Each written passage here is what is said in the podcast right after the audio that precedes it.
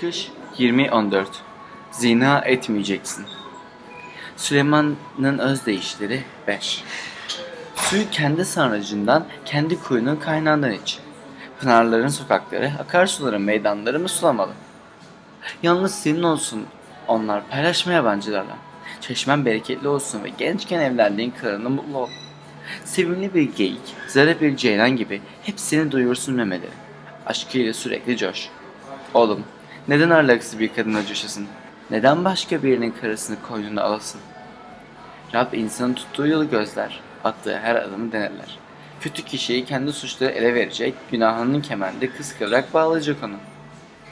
Aşırı ak- ahmaklığı onu yoldan çıkaracak, terbiyeyi umursamadığı için ölecek. Madde 5. Zina etmeyecek dendiğini duydunuz. Ama ben size diyorum ki bir kadına şehvetle bakan her adam yüreğinde o kadınla zina etmiş olur. Amin. Hepiniz hoş geldiniz. Siz nasılsınız bu sabah? Güzel, iyi ki geldiniz. İslak. Ben iyiyim, çok çok terliyorum. Yine de ama iyiyim. İyi ki geldiniz.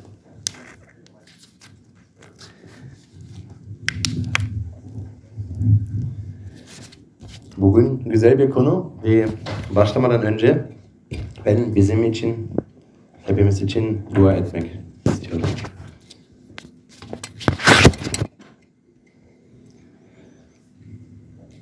Ya göklerdeki babamız, lütfen bugün senin sözün aracılığıyla bize konuş. Yüreklerimizi dokun ve seni daha iyi tanımak için lütfen bize yardım et. İsa Mesih'in adıyla amin. Geçen eşim Jenna ile bir dizi izlemeye başladım. Sadece ilk bölümü izledik.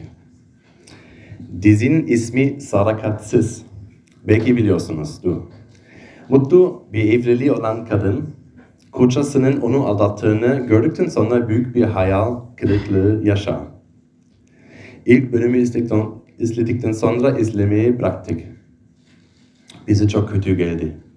Üzücü bir konu. Ve bu konu yani zina etme konusu sadece filmlerde olan hayali bir şey değil. Şu yaşıma kadar birisinin eşini aldattığını çok duydum. Hem kadınla hem erkekle de. Siz de bunu hiç şahit oldunuz mu hayatınızda? Vaazı hazırlarken birkaç arkadaşımla konuştum ve öğrendim ki herkes buna şahit olmuş. Ve bugün de bu konuya beraber bakacağız. Konumuz 10 emirden 7. emir yani zina etmeyeceksin. Geçtiğim iki haftada bu 10 emir serimize küçük bir ara vermiştik. Bugün tam hızıyla devam ediyoruz. 7. emri anlamak için Süleyman'ın Özdeyişleri 5'te güzel bir açıklama var. Bir baba bunun hakkında oğluyla konuşuyor.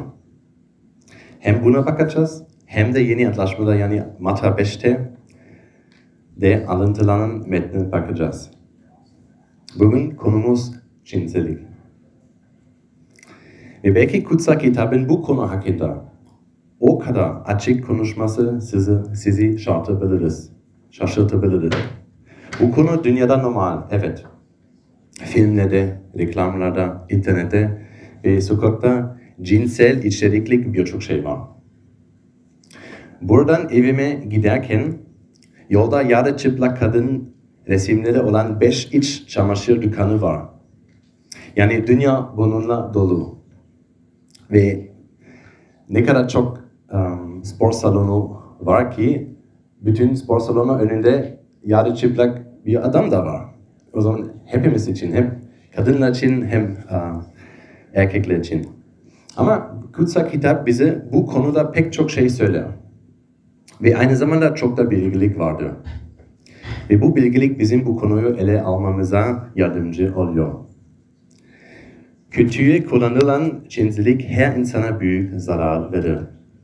Ve belki sen bu alanda zarar gördün. Doğru yere geldin bugün. Rab bizim iyileşmemiz için bu metinleri verdi. Ve bu metinler umut, bize umut verebilir. Her ne kadar zarar gördüysen de.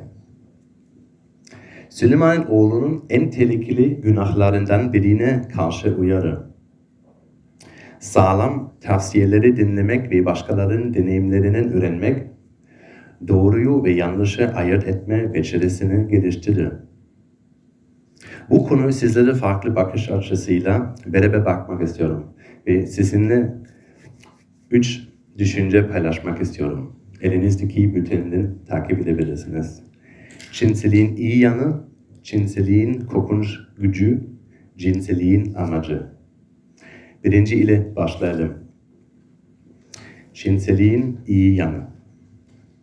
Cinselik hakkında konuştuğumuzda olumlu alanla başlamak istiyorum. Cinselik öncelikle iyidir ve Tanrı tarafından verilir. Cinselik olumlu bir şeydir. Kutsal kitapta bir şeyin yasaklanma nedeni iyi olanı korumaktır. Cinselik öncelikle iyidir. Ama mesela bu öldürmeyeceksin e, 6. emri neden e, verildi? Çünkü hayat değerli. Onu korumak önemli. Ve 7. 7. emri okuduğumuz zaman zina etmeyeceksin de dendiğin duyarız ve bilmemiz ki aynı öldürmeyeceksin de. Olduğu gibi bir şeyin korunması için yasaklanan bir şey var. Metne bakalım. Kutsal kitaptaki cinsel görüşünün ne olduğuna bakalım. Süleyman'ın Özdeğişli 5'te baba oğluyla konuşuyor. Ayet 17. Yalnız sen olsun onunla. Paylaşma yabancılarla. Hristiyanın cinsellik hakkında ne söylediğini bilmiyorum. Ama arkadaşlarıma sürekli dinlerin cinsellik hakkında verdiği kurallarını modasını geçtiğini duyuyorum diyor olabilirsiniz. Geçenlerde de böyle bir olay yaşadım. Bir arkadaşımla, arkadaşımla cinsel içlik hakkında konuşuyordum. Kendisi bir tanrının var olduğunu olduğuna inanmıyor. Ve cinsel içerik izlemekte bir sorun görünmüyor. Kendisi e, bunu yaparak kimseye zarar vermez. Neden cinselliğin dilediği gibi yaşamıyorum dedi. Sevgilisi varsa tabii ki, tabii ki onunla yatar. Bu aşk değil mi? Ve iki insan birbirini sevdiğinde bunu fiziksel olarak gösterirler değil mi? Gibi sorular bana yöneltti. Kutsal kitap cinselliği tek başına duran bir şey olarak görmez. Bunun hobileri gibi hoşlandığı bir şey ya da futbol oynamak ya da sinemaya gitmek bir şey olarak görmez. Kutsal kitap cinsellik hakkında olumlu konuştuğunda bunu her zaman bir çerçeve içinde yapar. Bunun evlilikte olmasını ister. Çünkü insanların sadece fiziksel olarak yakınlaşmakla kalmayıp aynı zamanda sosyal, finansal ve duygusal olarak birbirine bağımlı hale geldiği yerde evlilikte. Kendi fiziksel, sosyal ve duygusal olarak ilişkiye veriyorsun. Sadece bir parçanı vermiyorsun. Kendini bütün olarak veriyorsun. Evlilikte bu iki taraftan veriliyor. İki taraflı olan bir anlaşmadır evlilik. Ayet 8 und 9 Çeşmin bereketli olsun ve gençken evlendiğin karınla mutlu ol. Sevimli bir geyik, zarif bir ceylan gibi hep seni duyursun memeleri. Aşkıyla sürekli coş. İnsanların burada cinslik hakkında ne kadar olumlu konuştuklarını görüyor musun? Kutsal kitabın bakış açısının cinsellik tavsiye edilmez. Emredilir. Cinsellik iyidir. Tanrı'dan tarafından geliyor ve veriliyor, veriliyor. Tanrı'dan geliyor. Tanrı kirli olanı emretmez. Evlilik, cinsellik, evlilikte cinsellik iyidir.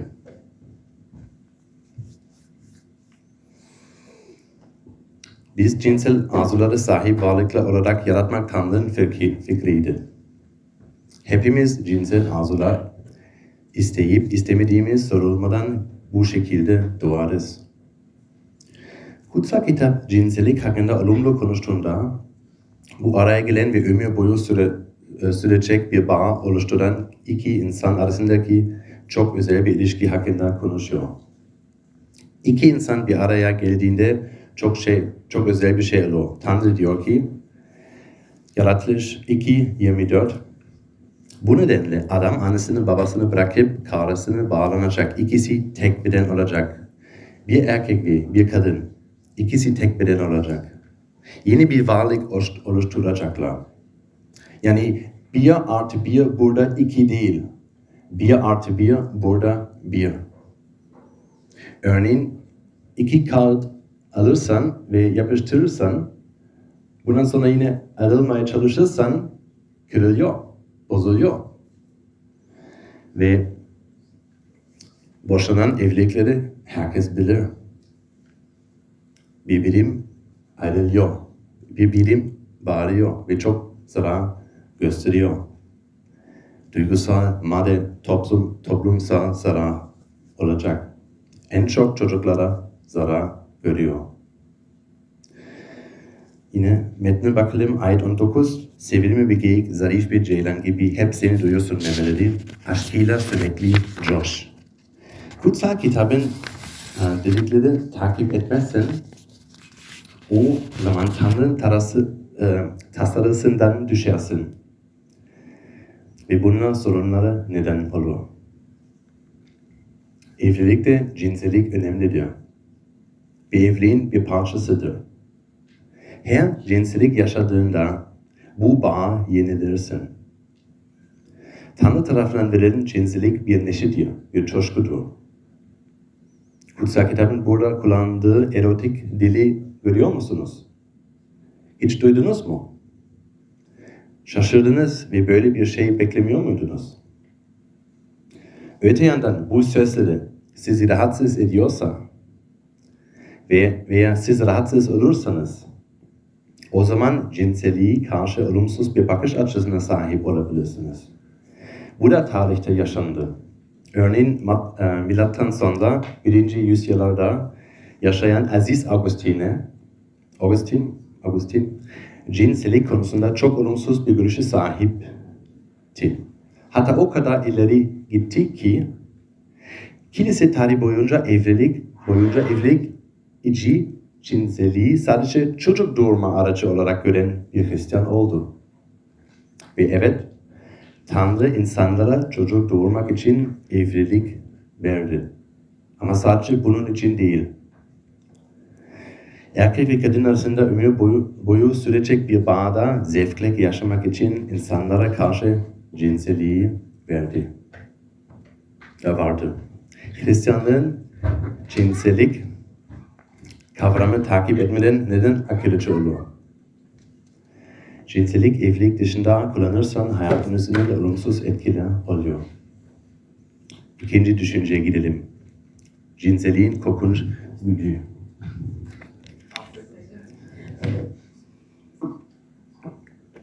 Ah, sıcak burada.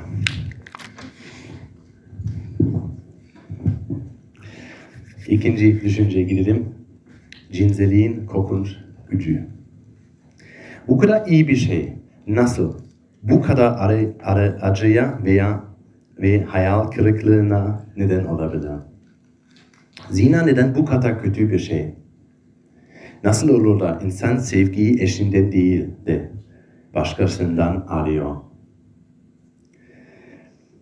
Benim amcam evliydi ve karısının karısını bir meslektaşıyla aldattı. Karısı ondan sonra ayrıldı. Yıllar geçmesine rağmen hala pişmandı. Meslektaşıyla yattığı anda ya da anda karşı koymadığı bir güç vardı. Sizler bunu, buna benzer hikayeler biliyor musunuz? Belki geçenlerde YouTube'a ya da genel haberlere baktınız ve Johnny Depp ve Amber Heard davasına baktınız. O da gösterdi. O tam ters kadın ya da eşini ya da Johnny Depp'i aldattı. İki taraftan olacak ya da olur. Cinsellik çok yıkıcı olabilen ve bir gücü sahiptir. İnsanlar arzuların peşinden gittikleri ve iyi olmayan şeyleri yaptıkları için dünyada ne kadar çok acı çekildi. Babanın oğluna ne dediğine bakın ve tabii ki kadınlar için de geçerli. geçerli. Mesela bir anne kızına söyle, aynı şeyi söyleyebilir. Özde, Süleyman'ın özdeyişi de 20'den 23'e kadar okuyayım. Oğlum neden alakasız bir kadına coşasın? Neden başka birinin karısını koyuna alasın alasın? Rab insanın tuttuğu yolu gözleyen, attığı her adamı denetler. Kötü kişiyi kendi suçları ele verecek. Günahının kemendi kıskıvrak bağlayacak onu. Aşırı ah, ahmaklığı onu yoldan çıkaracak. Terbiyeyi umursamadığı için ölecek. Baba oğlun onun kendi eşinin başka bir kadınla yaratmaması konusunda uyarı. Bunun sonuçlarının ne olduğunda açıklanır. 20 İki, günahın keminde kız kıvrak bağlayacak onu. Ve İsa da zina konusu hakkında birkaç şeyler söyledi. İsa zina etmeyeceksin emrini doğruluyor. Ama aynı zamanda emir daha yüksek bir seviye taşıyor. Metni de okuyabilirsiniz. Matta 5, 27, 28'de İsa şöyle diyor. Zina etmeyeceksin dendiğini duydunuz. Ama ben size diyorum ki bir kadına şehvetle bakan her adam yüreğine o kadınla zina etmiş olur. Bu bizim için iyi görünmüyor. Bu gerçekten hepimizi etkiliyor. Hepimiz cinsellik arzuların varlıklar olarak yaratıldık. Bu bizim parçamız. Hepimiz bu alanda ayartı, ayartılıyoruz. Aynı zamanda acı, hayal kırıklığı ve umutsuzluk da hissediyoruz. Adem ve Hava'nın günahı cinselliği de değiştirdi. Adem bahçesine bakalım. İlk olarak Yaratılış 2, 24 ve 25 bunu, şunu okuyoruz. Bu nedenle adam annesini babasını bırakıp karısını bağlanacak. İkisi tek beden olacak. Adem de karısı da çıplaktılar. Henüz utanç nedir bilmiyorlardı. Günahtan önce Hava ve Adem ve Hava çıplak olmaktan endişe etmiyordu. Ama sonra günahın düşüşü geldi ve çıplak olduklarını anladılar ve kendilerini utandılar.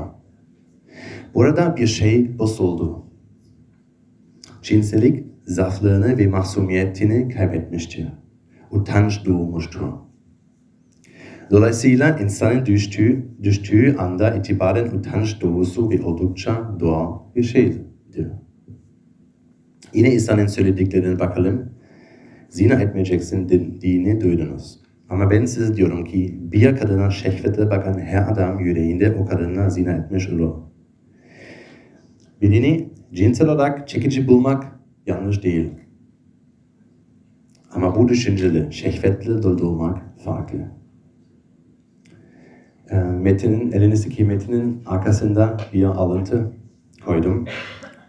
E, Rick Warren, bakın Rick Warren ne yazıyor? Tanrı her birimizi cinsellik arzulayan varlıklar olarak yarattı ve bu iyi bir şey. Fiziksel güzelliği karşı uyarılma ve çekim hissetmek doğaldır. Kendiliğinden gerçekleşebilir ve buna Tanrı tarafından verilmiştir. Şehvet ise kasıtlı bir irade eylemidir.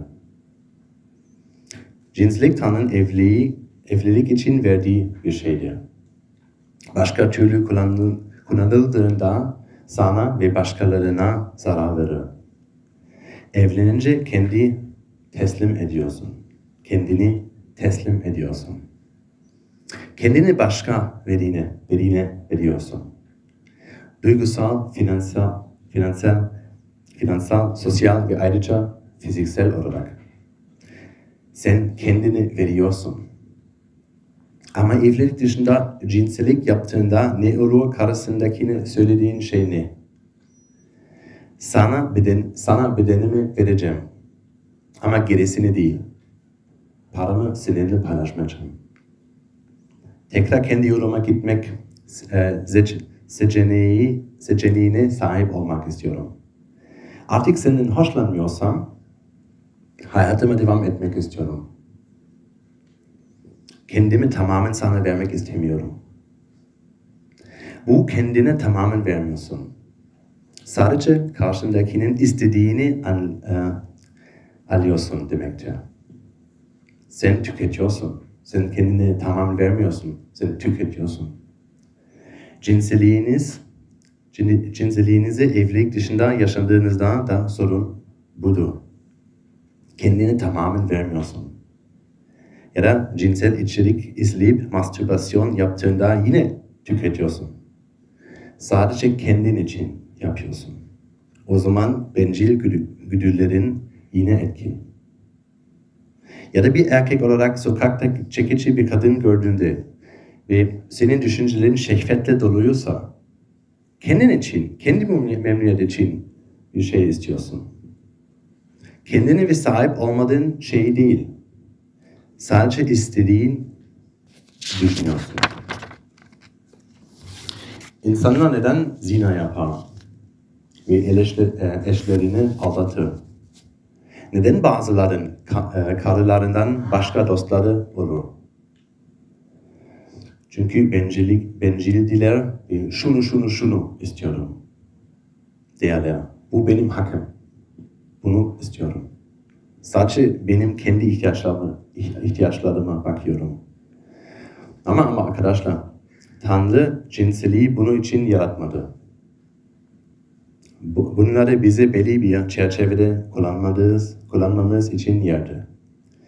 Metin Tanrı'nın yollarımızı gördüğünden bahseder. Hep aynı yoldan gidersek ne olur? Bir alışkanlık haline gelir. Cinselik de senin kalbinde aynı şeyi yapar. Cinselik doğru miktarda kullanılmazsa bağımlılık yapar. Kaç kişi, kaç erkek ya da kadın cinsel içerikli filmleri bağımlı? Veya kaç erkek düzenli olarak paralı ilişkiye gidiyor? Neden? Bencillikten dolayı.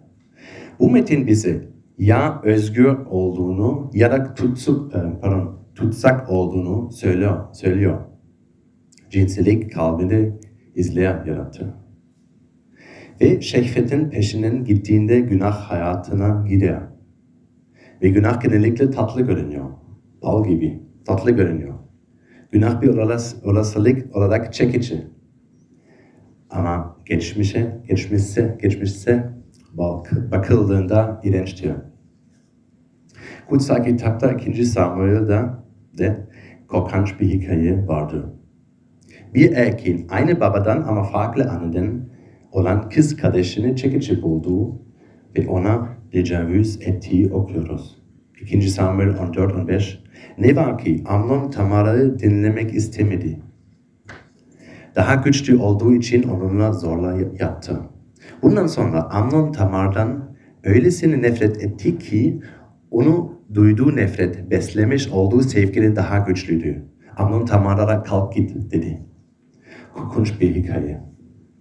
Amnon şehvetinin peşinden gitti. İsa neden cinsel hayatma hakkında bu kadar açık ve doğru doğrudan konuşuyor? Çünkü bu sana zarar verir ve kesinlikle başka, başkalarına da. Herkes cinseliğin korkunç gücünü deneyimler. Ama bu şehveti direnmeyi nasıl başarabiliriz? Evliler olarak. Başkalarına şehvete bakmamayı veya eşimizden başka birinin sevgisini aramamayı nasıl başarabiliriz? Bekala olarak cinselik dolu bir dünyada cinseliğin korkunç gücüne nasıl direnebiliriz? Bunu anlamak için cinseliğin amacına bakmam, bakmamız gerekiyor. Bazı son noktasına geleyim.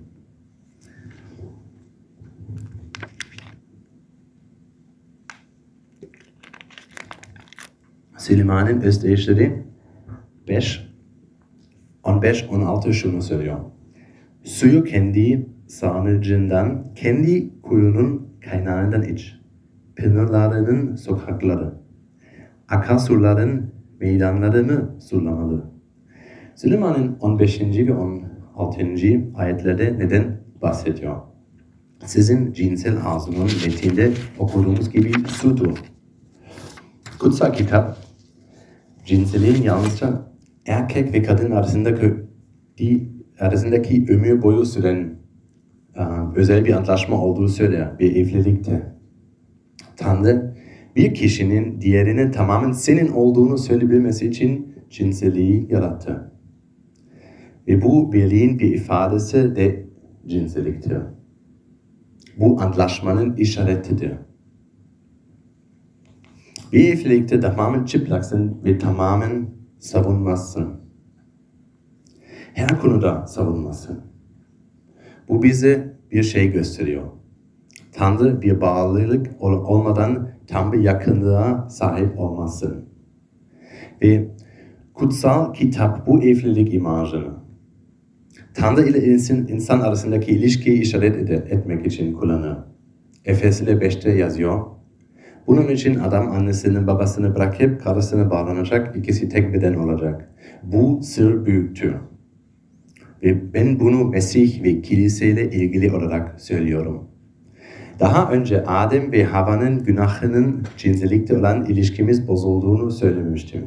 söylemiştim. Günah hayatımızın her alanı etkiliyor. İnsanları derin etkiliyor. Dünyada da, dünyaya bir bakın. Burada ne kadar kötü şeyler olduğunu görüyor musunuz? Ama aynı zamanda kendi içine bak kötü düşünceler, sevgi, eksikliği ve kırıklık görüyor musun? Evet, eğer kendine karşı dürüstsen, o zaman içinde bu dünyada hiç kimsenin sana vermeyeceği gerçek sevgi, onay ve samimiyet için bir özlem olduğunu kabul etmelisin. Ve bunun nedeni günahın Tanrı ile olan ilişkimiz bozmuş olmasıdır. İnsan ile Tanrı arasındaki ilişki bağı kopmuştur. Sonuçları dünyada gördüğünüz kadar kendi içinizde de görüyorsunuz. Ama Tanrı onu bununla bırakmaz. Tanrı sana tüm içsel arzularını ve isteklerini tatmin edecek kadar büyük ve güzel bir sevgi göstereceğini söylüyor. Tüm iç yaralarınızı iyileştiren ve sizi benzersiz kılan. Yuhanna 3, 16 Çünkü Tanrı dünyayı o kadar çok sevdi ki biricik oğlunu verdi. Öyle ki ona iman edenlerin hiçbir mahvolmasın. Hepsi sonsuz yaşama kavuşsun. Tanrı kendisini veriyor. Tanrı oğlu İsa Mesih yeryüzüne gönderiyor. İsa bir insan bedeni alıyor aramızda yaşıyor ve sonunda çarmıhta acı içinde ölüyor. Ama hak ettiği, ettiği için değil. Bizim ihtiyacımız olduğu için. İsa Mesih günahın bedelini çarmıhta öder. Ve kendisini tamamen veriyor. Bu evlilik için nihai görüntü budur. İsa geleni için kendini veren damattır. Bu saf lütuftur. Onun gelini kim? Ona inanan herkes. İçinde iyi bir şey yaşamadığın görenler. Hayatım için istemediğim standarda kendim ulaşamıyorum. Kırıklık günah içimde yaşıyor. İçimde hiçbir yerde bulamadığım bir şey, şey bir sevgi ihtiyacı var söylenir. Ve İsa onlara diyor ki, tüm acılarınla ve sevgi olan tüm ihtiyaçlarına bana gel. Sana içindeki her şeyi yerine getiren bir sevgi veriyorum. Ama evlilikte olduğu gibi İsa ona sadece bir parçanı vermeni istemiyor. İsa kendini tamamen ona vermeni istediğini söylüyor. Tanrı sana şunu söylediğin hayal edebiliyor musunuz? Ne, neye taparsan, neye inanırsan inan, sevgimi sana dökeceğim. Hayır. Tam bir bağlılık olmadan Tanrı ile tam bir yakınlığa sahip olmazsın. Tanrı'ya bir anlaşma yapmadan Tanrı'nın lütfunu ve sevgisini mi istiyorsun? kendini tamamen Tanrı'ya verdiğinde ona hayatını, hayatının efendisi olduğunu söylüyorsun. Benim istediğim değil, gibi değil, senin isteğin olsun demek gibi. İsa gerçek damattır. En derin ihtiyaçı, ihtiyaçları karşılar ve onda tüm hayatını değiştirecek kadar derin bir sevgi bulursun. Ama nasıl? Belki bazılarınız cinsel şeylere takip, takılıp kalmıştır. Belki de oradan çıkmayacağını düşünüyorsun. O zaman Titus 2'nin ne dediğini dinleyin. Çünkü Tanrı bütün insanlara kurtuluş sağlayan lütfu ortaya çıkmıştır. Bu lütuf, tanrısızlığı ve dünyasal arzuları reddedip şimdiki çağda sağduyulu doğru, Tanrı yoluna yaraşır. Bu yaşam sürebilmemiz için bizi eğitiyor. Hepsi Tanrı'nın lütfuyla. Lütuf bize hayır demeyi öğretiyor. Bu önemli bir nokta. Cinsel ayartmalara nasıl direnebilirsin? Tanrı'nın çarmıhtaki sevgisini görerek. İsa kendini, kendini bizim için nasıl verdi? İsa, İsa'yı çarmıhta gördüğünde iki şey görüyorsun. Bir, günahlarım o kadar kötü ki bedelini Tanrı ödemek zorunda kaldı. Aynı zamanda tek gerçek olan Tanrı'nın senin, seni ne kadar çok sevdiğini ve senin için kendini vermeye hazır olduğunu görüyorsun. İki şey görüyorsun. Ve inandığında ve hayatını onun ellerine bıraktığında o senin kalbini değiştirir.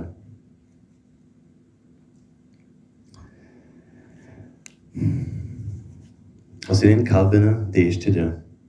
O zaman kalbin Tanrı'nın sevgisi ve onayı ile dolar.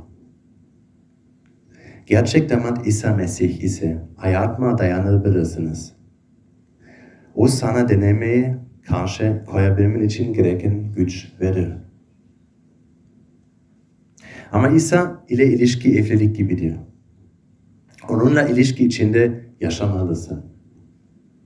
İsa Mesih hayatın merkezinde olduğunda hayatın derin takdir ve sevgiyle yaşarsın ve hayatmalara geldiğinde direnirsin. İsa kalbinin merkez, merkezi değilse ve ardından hayatma gelirse buna karşı direnmek zordur.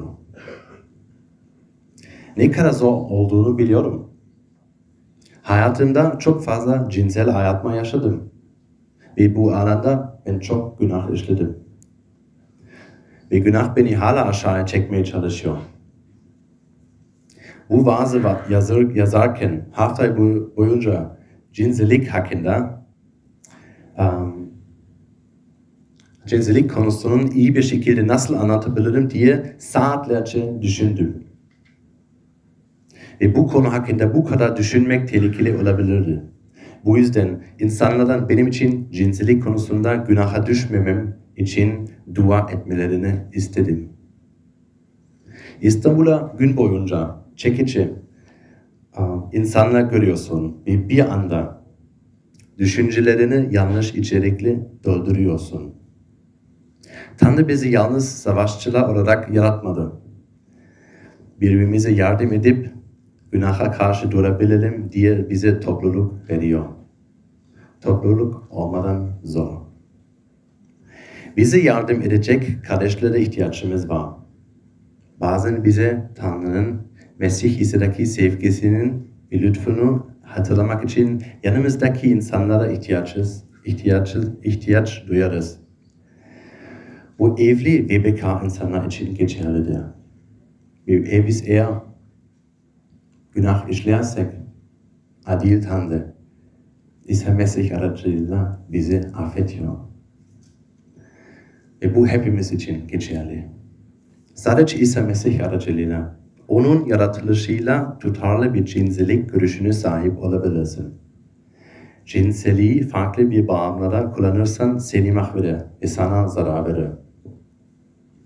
Cennette bu hayata İsa Mesih'e evet diyenler sonsuzluğu onun sevgisinde geçirebilir.